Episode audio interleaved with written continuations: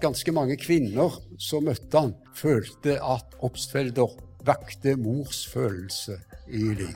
De liksom tok han på fang, og så rugga de han litt, grann, og så sa de 'sov, sov, gutten min'. Eh, I dag har vi fått besøk av Engvald Par Iversen, som jo er et kjent navn eh, for mange. En lokalhistoriker og tidligere redaktør i Rogalands Avis. og en av de første artiklene jeg leste når jeg begynte å jobbe med Obstfeller sitt jubileum, var Engvald sin artikkel om hvor bussen til Obstfeller egentlig skulle stå i Stavanger.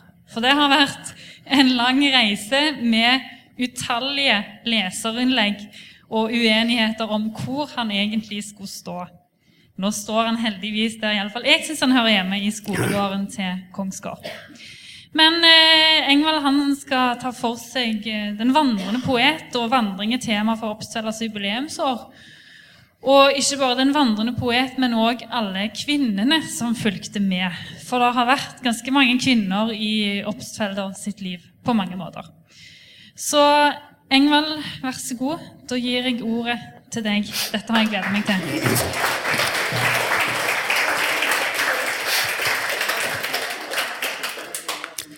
Takk skal du ha.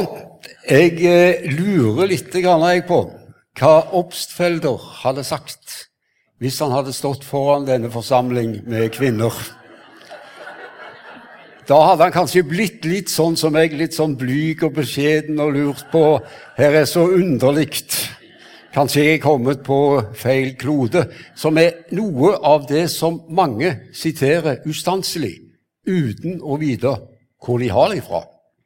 Jeg nevnte jeg har en sånn liten venninne på fem-seks år i nabohuset, og så kom jeg til å si til henne hva hun mente hvis jeg sa at jeg er visst kommet på feil klode. Og da sa Totlo du har tatt med deg gal globus.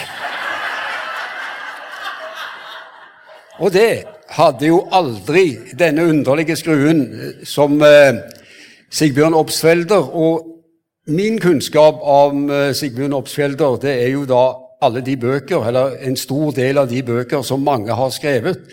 Og jeg er litt glad for deres vegne at det er ikke Martin Nag som står her i dag. Han er kanskje en av våre fremste Obstfelder-kjennere. Han var da en av våre fremste, men han ville aldri blitt ferdig. Han kunne ringe meg klokka tre på natta og si det er Martin, du. Jeg har funnet at hans vandring med Ingeborg den var ikke helt sånn som beskrevet i Greivs bok. Og det sånne øyeblikk du lurer på hvorfor jeg kjenner jeg bare underlige skruer.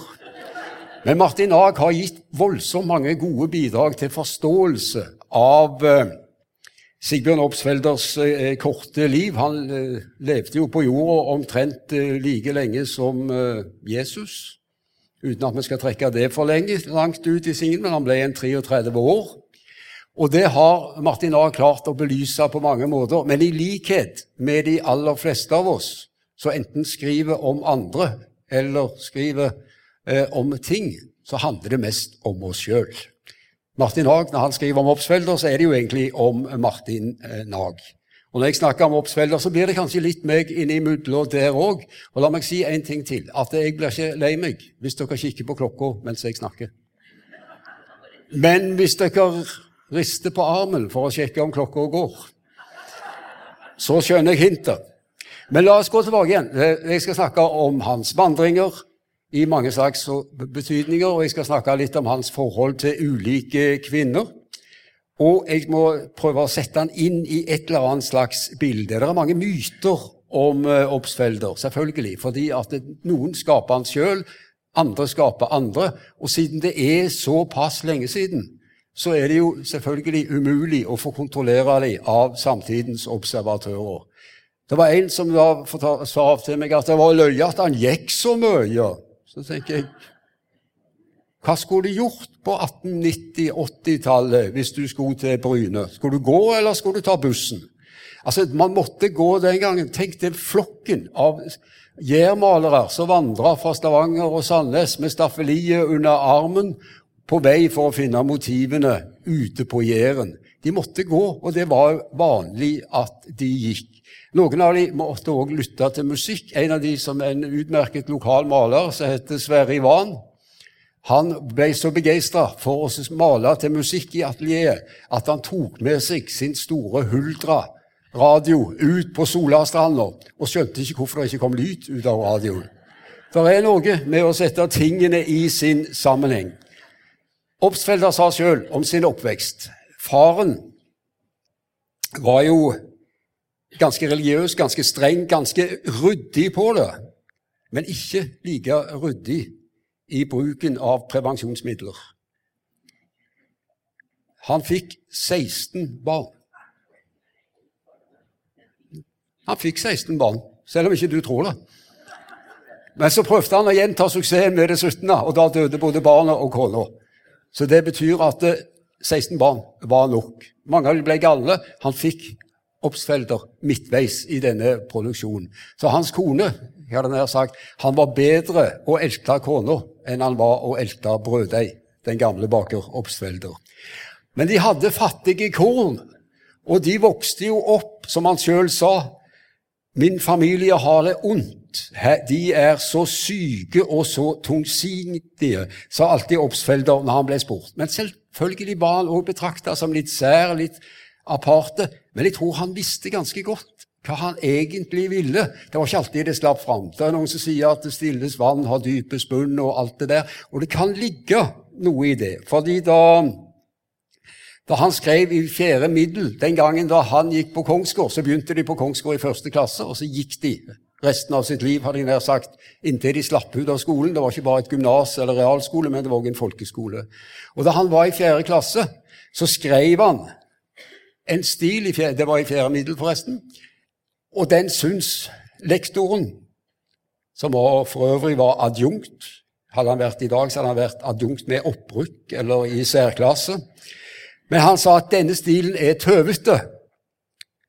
Og da var det lille Sigbjørn sa jeg lurer på jeg, hvem det er som tøver mest av oss to.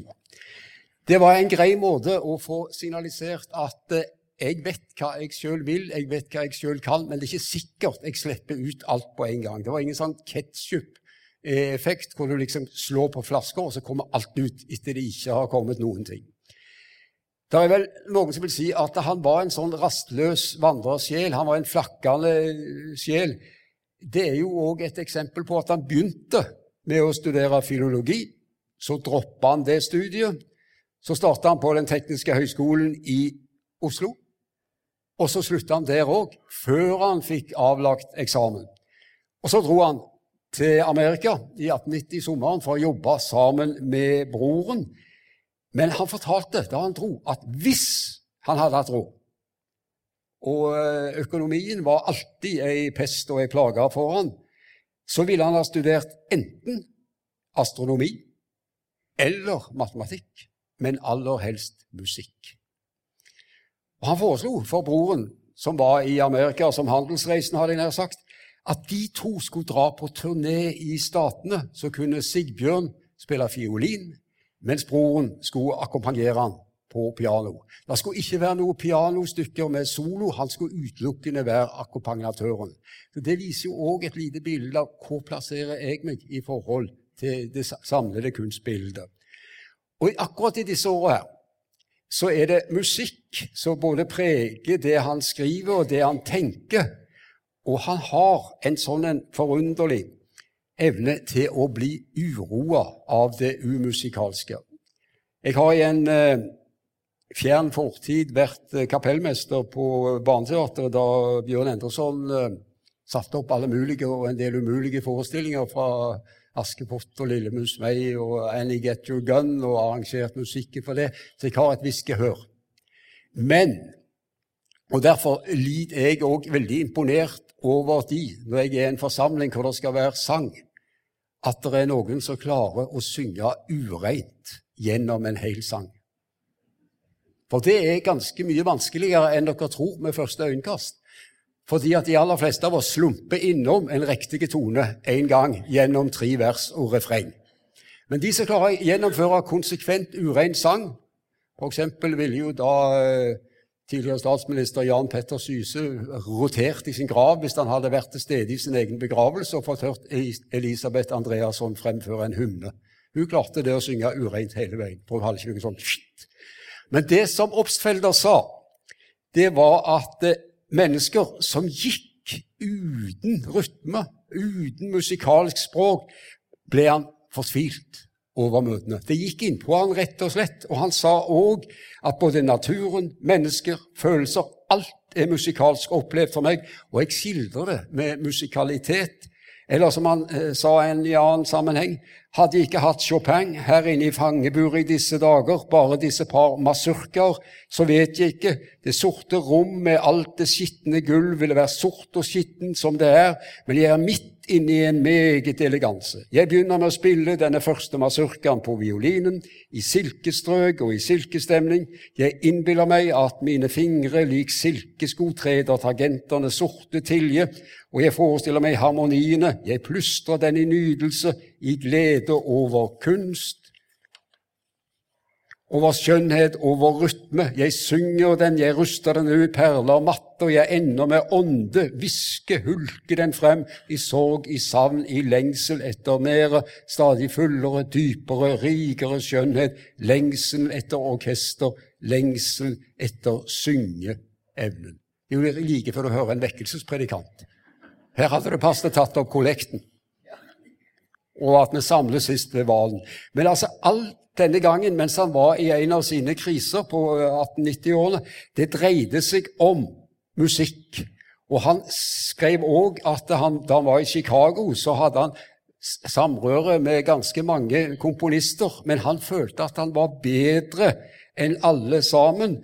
Og da sa han at han hadde nemlig funnet tonekilden, som for andre var dunkel og grumset, men når jeg ser ned i han, så ser jeg han klart og tydelig.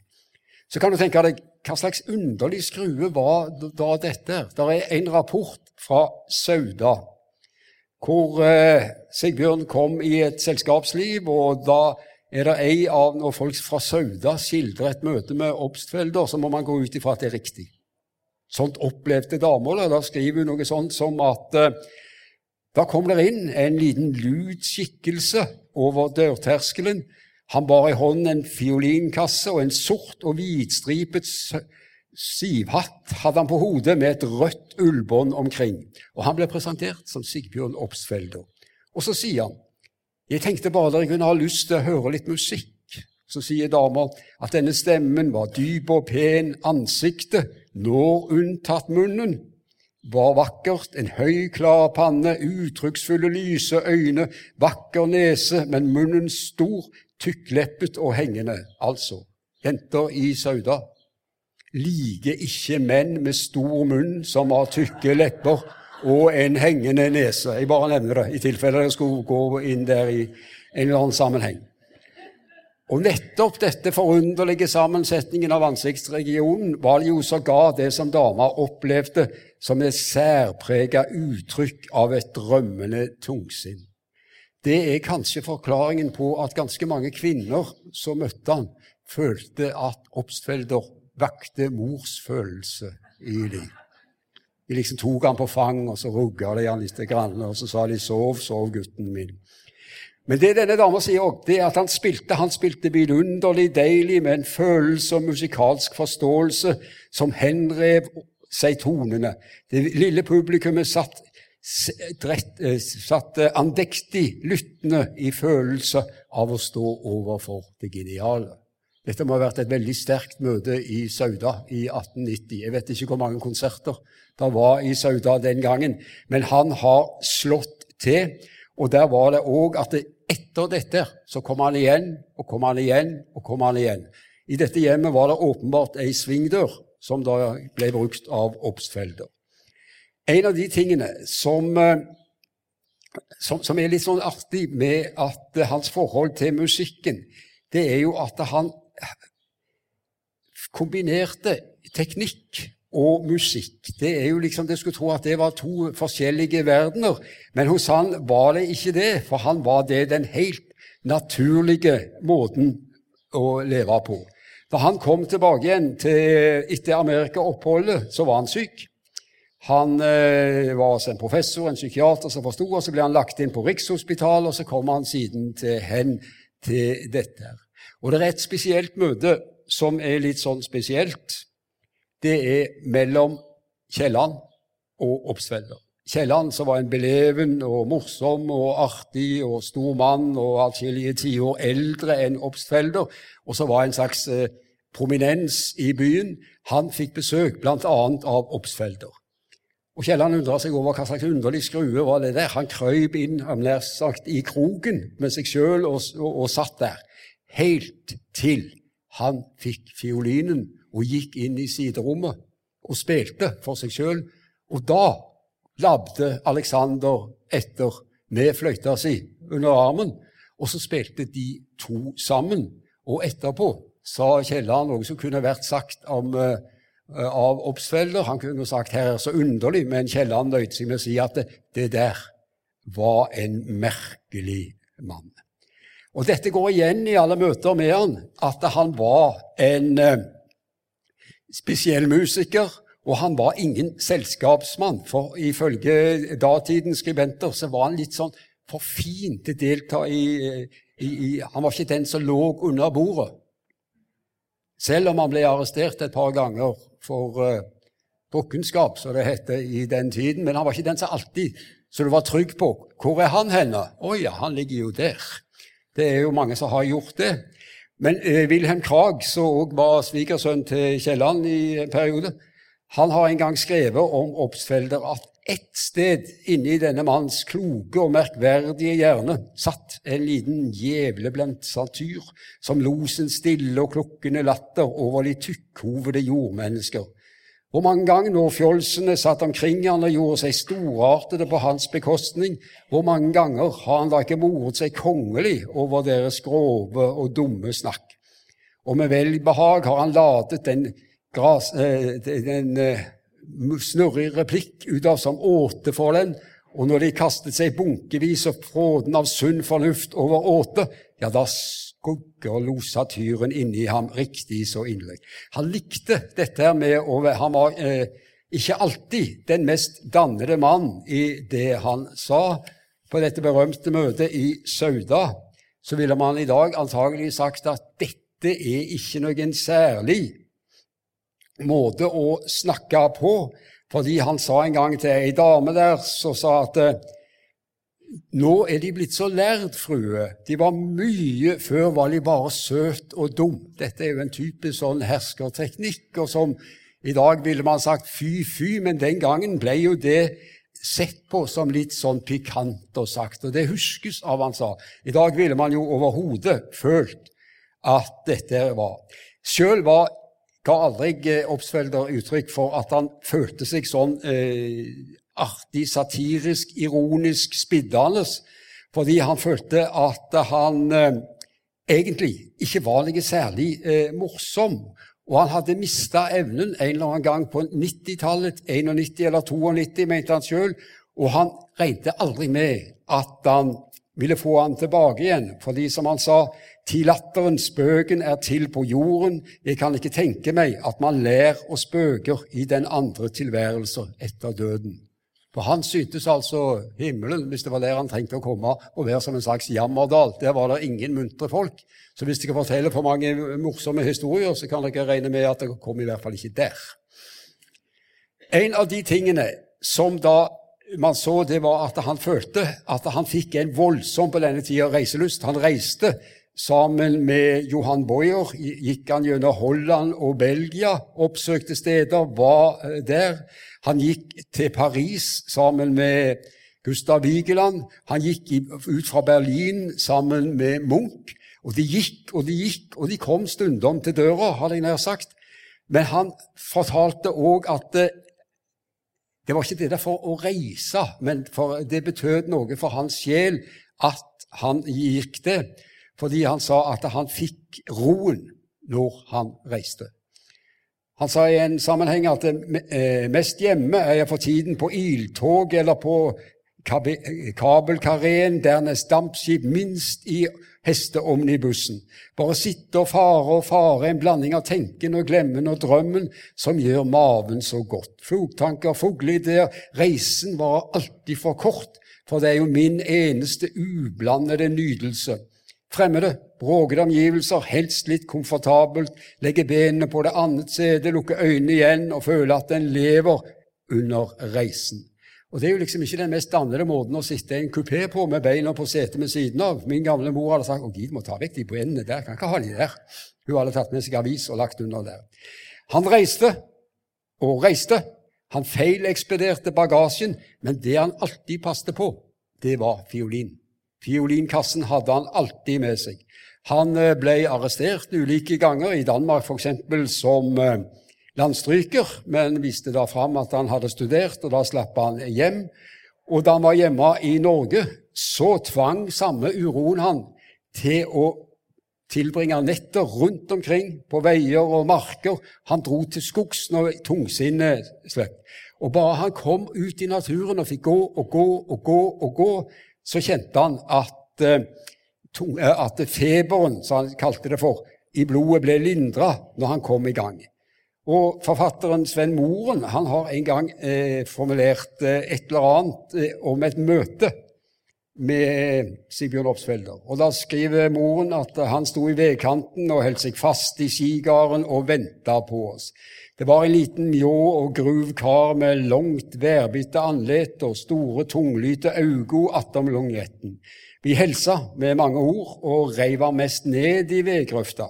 Han sa mest ingenting var om årsaken og var brudd. Ja, for han kom fra skogen. Han hadde rusla aleine nede i Finnskogen, i Åsnes og Grue i åtte samfulle døgn, lege ute om nettene og svulti og hatt det heller vondt. Altså, han hadde gått ute i åtte døgn, sovet ute og bare gått alene med seg sjøl. Det er jo ikke alle som gjør det, ville jeg tro. Men denne vandringen den starta allerede i tenåringene, da han bodde i, inne i Ryfylke. Familien hadde jo flere boliger i Stavanger, og de bodde òg inne i Ryfylke. Og da gikk han og gikk han i Ryfylkeheiene, Bjørheimsbygd og rundt hvor det måtte være. Og da gikk han aller helst alene. Og det spilte ingen rolle for han om han gikk om dagen eller om natta. Han gikk, og han falt sin vei. Og utgangspunktet for alle disse turene, det var jo da Hjelmeland. Og han har skrevet om dem. Og da er det jo denne forunderlige formen. Hvis jeg leser en del av de, de første turene hvor han vandrer omkring Dette har jeg fra Martin Haag, så er det sikkert riktig. Jeg bare nevner det.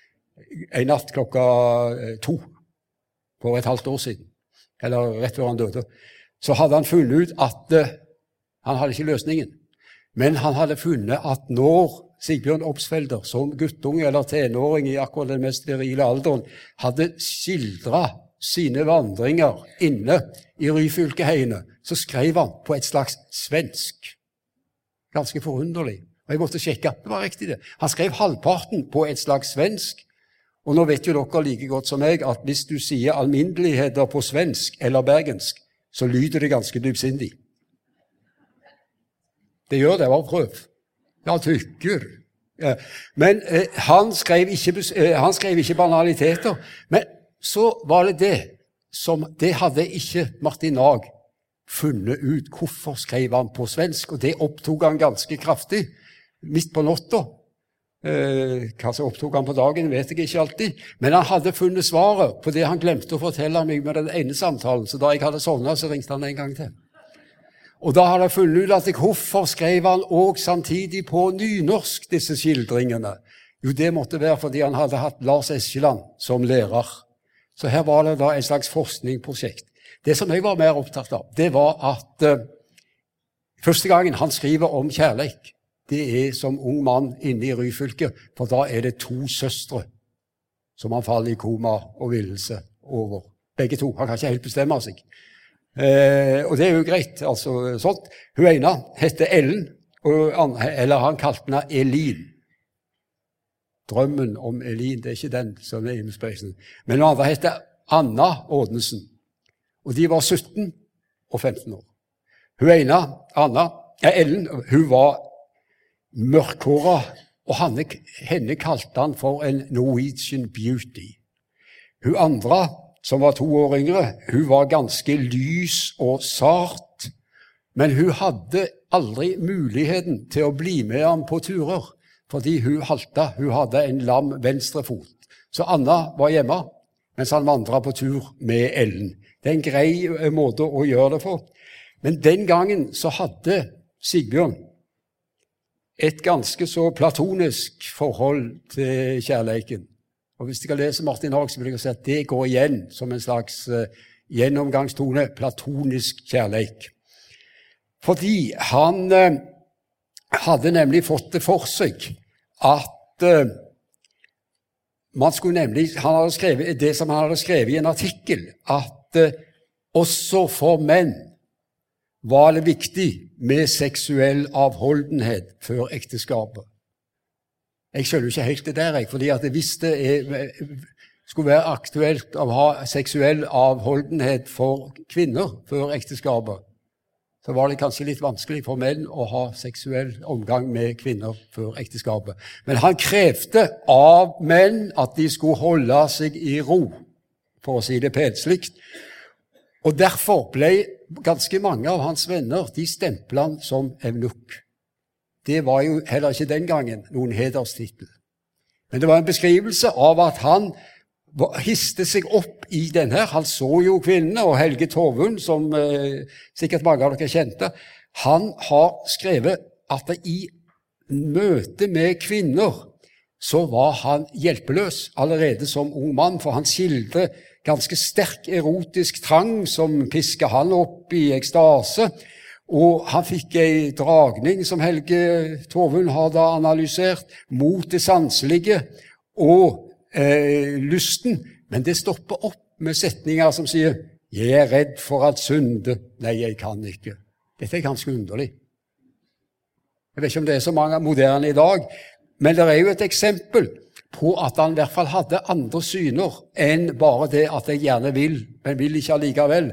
For han har skrevet et, eh, i en novellette at bolevardene boulevardene gjør meg syk, de bugnende bryster, de hevede hoder, draktene som gynger på lekre, smidige hofter, smilene, alt dette som skriker kyss, lev, ny damer, løftet på kjelen herrehender inn i lokkende mørke vogner, lyd av kyss bak portierer, lyd av dustrikken i dårlig vin, saftige håndtrykk av logrede venner, å, det blir så kvalmt, en taus, forstemt gråt snører meg i struben over at menneskegleden er en skjøge som fyller hele hele atmosfæren med sin billige parfymestank. Han kan ikke vært noe særlig kjekk mann å ha hatt på nachspiel, han her. Han har aldri gått på KNA på Barbella og sagt 'skal vi danse'? Hvor bor du på hybel henne? Han kom jo aldri så langt, denne karen her. Og han har jo et av disse bildene med hun Ellen Elin, hvor han skildrer eh, sin drøm om å gjøre noe mer, og dette ender med at han legger seg på gulvet foran henne mens hun røska han i håret. Dette er jo sinnssykt, vil jeg tro. Hvis jeg hadde gått hjem til administrasjonen og krøpet bort på gulvet, så hadde jeg spurt hvor har du vært hen. Det hadde ikke nytta. Men samtidig, da han holdt på med dette, like for å se på hennes eh, kneskåler, eller hva du måtte klare å løfte deg mens du ligger på gulvet med ansiktet opp, så spør han i én til Ellen om hun ikke syns at han var litt lat, som ikke ga henne et kyss i det situasjonen innbød til det. Og Da skriver han sjøl hun svarte med et bittert jo. Og Dette er jo bare ganske enkelte obsfelder i denne sammenhengen. For han skriver jo Han var eh, en ganske sånn forunderlig fyr. Han skriver òg et annet eh, dikt til ei jente Blest storm, orkan, nøgen vil jeg bade meg i din susen. Hei, se mine vide armer, mitt hår flyver, hei, leg med mitt hår, orkan. Dette er jo selvfølgelig inspirert av hans kryping foran Ellen mens hun har røskene i håret, av mange måter. For meg minner eh, eh, Sigbjørn Opsfeller på mange måter om eh, en romanfigur som eh, noen av dere har lest i 'Lasso rundt fru Luna', og som sikkert ingen av dere har lest. annet enn utvalgte sider i eh, sangen om den røde rubin. Ask Børlefot. For han har òg dette problemet at, eh, at, han har et forhold til jenter som han ikke helt Han vil, men vil ikke. Får det ikke til, men får det til. Og skjønner ikke hvorfor får han det ikke til de gangene han vil mest, mens de gangene han slett ikke vil, så får han det til. Jeg vet ikke om det er en forskningsprosjekt jeg, som man kan gjøre i, i sånne saker, men uh, dette er jo òg en slags form for forundret liv.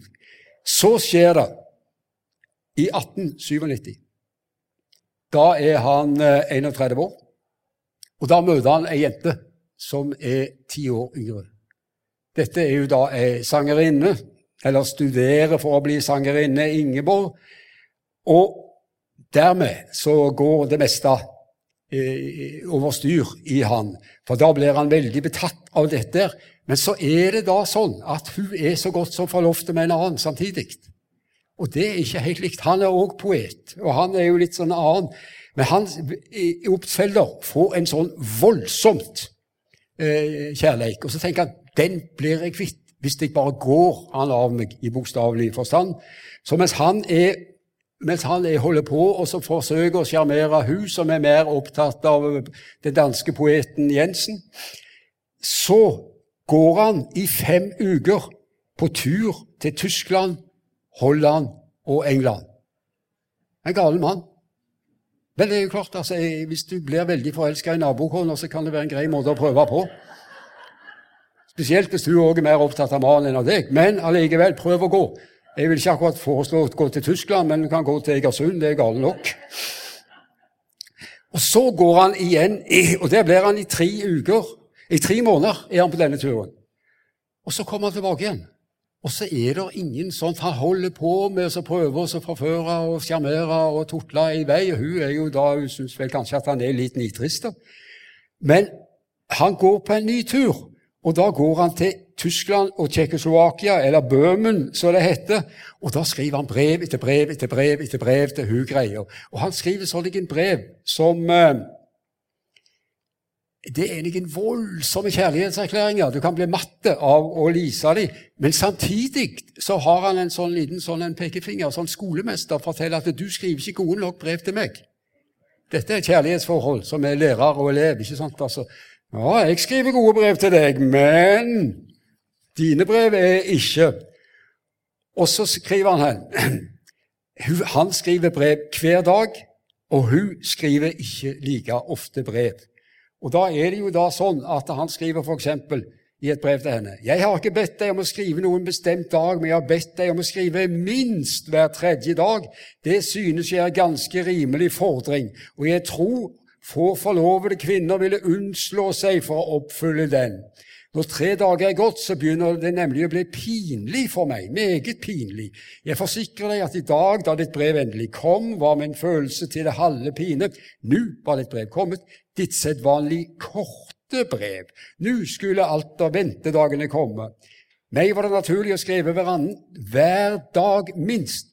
Men så lenge du ikke skjøtter mer av mine brever, ønsker jeg naturligvis ikke at bebyrde deg med dem. Du taler om at du kun ville skrive lengre brevet. Tror du virkelig jeg ser efter hvordan du uttrykker deg, din lille tosse? Altså, skriv alt, alt, alt. Det er bedre at du gjør det nå mens vi er skilte. Tid når vi kommer sammen igjen, du vet jo hvordan det går, så brenner opp alltid bare kyss, kyssraketter, kyssflammer, kyss-sole. Og la meg så slutte dette om brevskrivningen med å si at hvis du ikke fra nå av forandrer deg, da tretter du meg ut, og jeg tror du kommer til å tape noe du burde vokte deg for å tape. Dette er sjarmøren. Han er på reise, han skriver brev, og hun tutler og prøver å skrive brev etter det. Hvis du skriver fire linjer, så nei, nei, nei, det er for lite. Og, og hvis du skriver ti linjer, nei, men det er for dårlig skrevet. Og så kommer trusselen at du, hvis du ikke nå holder på å skrive brev til meg, så kan du miste meg. Jeg vet ikke hvor mange av dere som hadde holdt ut. Men hun hadde jo en på si. Så hun kunne jo spøke til han. Og da er det sånt uh, Og han skriver i et annet brev som kommer rett etterpå. Jeg kan ikke skrive noe i dag. Du burde ikke ha vel la det gå fem dager før du skrev til meg. Jeg hadde tanken fulle av ømme brev til deg. Nå er det forbi. Du har såret meg for dypt ved dette, Ingeborg. Og du har nedsenket tvil i meg. Du burde ha voktet deg for å vekke på ny. Dette er sjarmøren, ikke sant? altså? Det, det virker litt sånn amatøren, psykopatiske eh, trekk. Og da skriver han videre her eh, I natt har jeg ligget og tenkt på hvordan kunne du den natt gå fra meg til ham, når det er så at du elsker meg? Hvordan kunne du enda neste dag sie at hadde din tanke at kaste deg hen til ham? Så nå muldrer alle unge, onde tanker fram denne tanke at en kvinne der ikke vil være mer for den hun sier hun elsker, der tross alle hans bønner blott stadig vil pine ham. Denne tanke bringer alle minnene frem. Den gang du nevnet i vinter for å la meg sitte og vente dag etter dag etter dag etter dag. Alt strømmer nå frem. Jeg kunne ha skrevet gode, ømme, varme brev.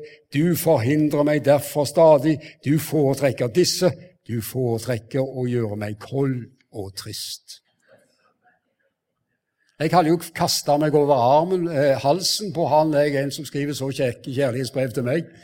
Men så går dette seg til, de gifter seg, men de bor veldig lite sammen, og de holder på med denne skrivinga. Han vandrer, han tjener ikke noe penger. Hun er hjemme, hva hun måtte holde på. Hun, hun blir jo etter hvert en sangerinne. Og så har de jo da denne kjempemessige turen, som jo alle kjenner, hvor de kommer fra Setesdalen. Og hvis man liksom ser skildringen av den, så kunne man jo tro at uh, Oi sann. Uh, at han aldri hadde gått på tur. For de blir jo Tenk deg et Nei sann. Fordelen med å jobbe i radio det var at det var noen som passet lyden på deg. Men de, det er jo denne skildringen i 1899 hvor ekteparet Ingeborg og Sigbjørn går tur. Og de, møtt, og de går seg vill oppe i Setesdalen. De har ganske underlige ting. Men det som jo vekker den mest uh, man kan, Når man leser det, så står, går jo han i dress og spasersko. Han går omtrent sånn som meg. Og de blir tatt av uværet, de ligger i ei grøft, og de blir uh, funnet under der. Det de ser blir oppfunnet, det er jo at uh, hun stakkars kona, hun har paraply.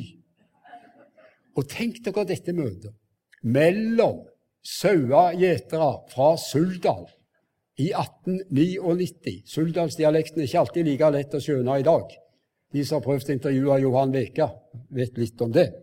Og så kommer det ei københavnerinne i festantrekk, for hun skulle bare gå li over heien, høye hæler og paraply, og skriker jo et dans ikke disse her skjønner. Og så begynner hun å synge. Og da skjønner jo de heller ingenting, for dette er jo språk. Men det er en slags kulturkollisjon, så vi skulle gjerne ha vært ei flue på veggen. Det er ikke ofte jeg har lyst til det, men å se Han var jo da helt taust, for han satt jo borti kroken og sturra. Han sa jo, så ble det en voldsomt ekteskapelig krangel inne i denne stua, for han sa noe sånn at det hadde jo vært et greit sted å dø. Og hun var jo en ti år yngre, så hun hadde ikke noe særlig lyst til å dø i Setesdalheiene. Det er jo, jeg mener, kan finne andre steder enn å dø på Se Nilsebu og dø. Det syns jeg høres særlig sånt eh, særlig rasjonelt og artig ut. Men det er liksom det som skjer, og så blir de redda, og så, og så kommer jo da døden. Og da har da Sigbjørn begynt i tråd med sin far å lage barn. Husk at han, Da hadde han fått sitt første barn. Kona var meget sterkt gravid, og han havna på sykehuset og dør. Og så er det jo noe av dette som alltid er litt sånn artig. Han er død. Ingen i Stavanger bryr seg noe særlig. Så finner dikteren, journalisten Theodor Dahl ut at liket må hentes hjem. Det er jo underlige ting som folk får begrevet. Han får, Wilhelm Krag er formann i en komité som skal hente eh, kista hjem. Men det blir ingenting for hans to søstre som bor i byen. De vil ikke ha eh, han, eh, han hjem. Han er jo da borte vekk. Og han har ei dansk skuespillerinne som passer på grava hans. Hun heter Anna Larsen. Eh, eh, de hadde et platonisk forhold offisielt. Hun var òg en skuespillerinne, veldig populær i revyen i Danmark, men så ble hun skrekkelig kristelig, som det heter. Og hun ble sånt eh, misjonær, så dermed slutta hun å passe grava til han som var litt sånn diffus i selskapslivet. Men det var liksom et kjærlighetsforhold. Han hadde et annet kjærlighetsforhold innimellom dette. Men det er ingen brev fra de til han. I brevene så finnes det de han har skrevet til hun Ingeborg, som tydeligvis har vært både kjærlighetsbrev og sånn. Må du ta deg sammen, eller så får du ikke møte meg. Men da sprang jo bare hun over gata til han andre. Hun hadde sitt å være. Og da han eh, Da han eh, enka Hun gifta seg med en eh, tysk biltogger, og hun var heller ikke særlig opptatt. Så når Theodor Dahl var nede og besøkte grava, så var det ingen som stelte den. Men da ble det sånn at Stavanger kommune overtok vedlikeholdet av dette eh, grava. Det var en lang debatt, og det var liksom eh, Det kosta nesten ingen penger, men allikevel. Altså, det er jo sånn, hvis, det er, hvis det er spørsmål om en bevilgning til 970 millioner til et eller annet, så går det glatt. Men hvis det er da sånn som i kirka i Klepp da, på 60-tallet, hvor de skulle reparere en sånn lekkasje i taket som kosta 200 kroner så var det en stor debatt i kommunestyret. Jeg var der, og da var det en av de representantene som kikket på forsamlingen og sa han, Hør godt, folk. Det går nå ikke så mye folk i den kirka at de plent trenger sitte der det dryper. Og det var jo omtrent noe av det samme som eh, som sa at det er jo ikke så mange som besøker denne grava og gravstedet til Sigbjørn Obstfelder i Danmark, at vi trenger også å luke òg. De vet jo han er der.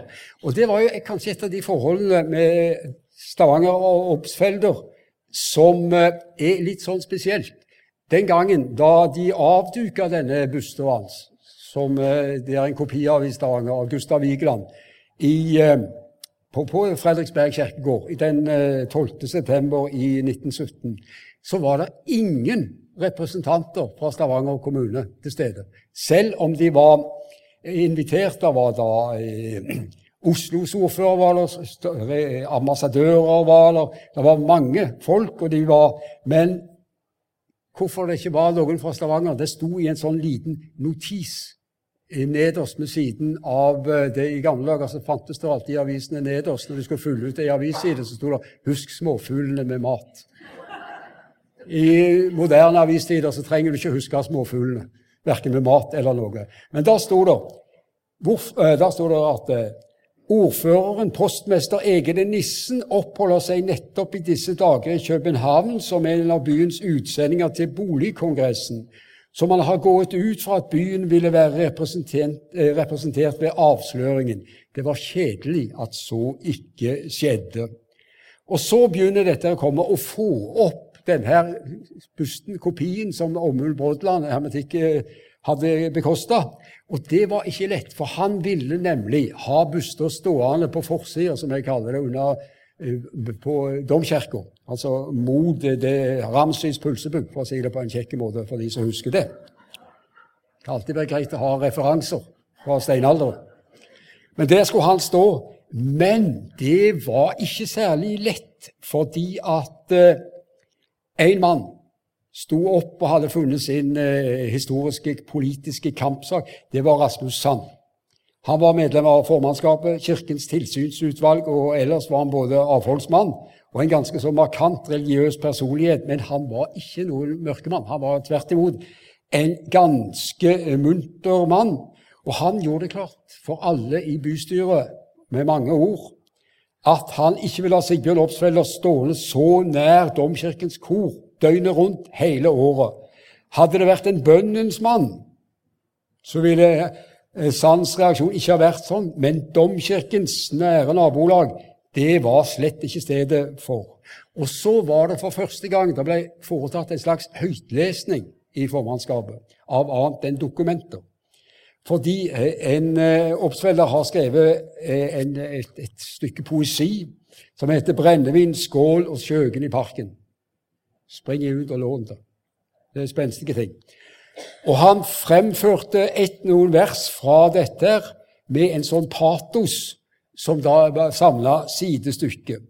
Fordi det heter i dette Vi røk uklar med politiet, for vi ville synge på gata harmonisk, hvilket ender med at vi får det sarpsborgske politi inn i vårt hotell, benker ham i vår midtene, skjenker ham et glass sterk whisky og lener han til oss med smiger og latter og skåler, og så takker han sin daværende venninne Katinka Korsvik for hyggelige dager på Grand Hotell i Sarpsborg. Jeg har vært på Grand Hotell i Sarpsborg. Jeg skjønner ikke at det var så hyggelig, men det er nå sånn. Men han hadde kanskje litt andre interesser enn dette. Og sånt er det. Det gikk til han kom opp fordi varaordføreren benytta anledningen mens ordføreren var vekke, sånn at Rasmus Sand, som trodde at de skulle behandle denne saken endelig om to måneder De tok det kjapt og fort i et sånt et møte hvor ingen av dem var. De satte opp denne her. Jens Thies talte lenge, kanskje vel for alt det jeg vet. Men så gikk det ikke lenge før de begynte å ville flytte på grava. Og aldri har det vel vært eh, ei grav i eh, en statue i Stavanger som har blitt flytta så mange ganger, eller blitt diskutert og flytta så mange ganger, som nettopp Obstfelders. Og For sånn sett så kan det jo passe at han som var en vandrer, en på vei, eh, så gikk det av seg når hans sinn ble formørka, at han ble flytta så mye. Han, akkurat den der debatten om flytting, at du ønsker det, men du får det ikke helt til, det minner meg om ei eh kontordame, som det het den gangen, som hadde i Rogalands Avis i min første tid der, hvor hun passet på oss. Hver gang vi hadde tutla vekk en reiseregning eller en kvittering, så var hun på oss med en gang og sparte oss for mye penger. Hun var gammel jomfru, som Knut Joner sa. Jeg mente vel mer at hun var oppfyllelsen av eh, reklamen for uh, korn i flatbrød, uberørt av menneskehånd. Men hun passte i hvert fall på oss, og hun hadde en drøm. Det var om å flytte på landet og drive et småbruk. Jeg skjønner jo godt det hvis du forholdt seg i avisredaksjonen på Fiskepapiret. Og så skjer underet. En onkel dør. Og så arver hun et lite sted inne i Suldal. Omtrent der så Sigbjørn Obstfelder gikk og gikk og gikk, og støtte på disse søstrene Aanensen, Anna og Elin. Hun flytter inn, og vi reiser inn og besøker henne, for hun skal drive med hønseri. Og da er det vi kommer inn der, et kjekt lite tun tipper det, og der tipper det ni haner og ei høne. Og da sier jeg, siden jeg var yngstemann, til henne du, det kan vel ikke bli noe særlig med egg av dette? Nei, sa hun, men den høna skal ikke ha så trist liv som jeg har hatt. Takk skal dere ha for oppmerksomheten.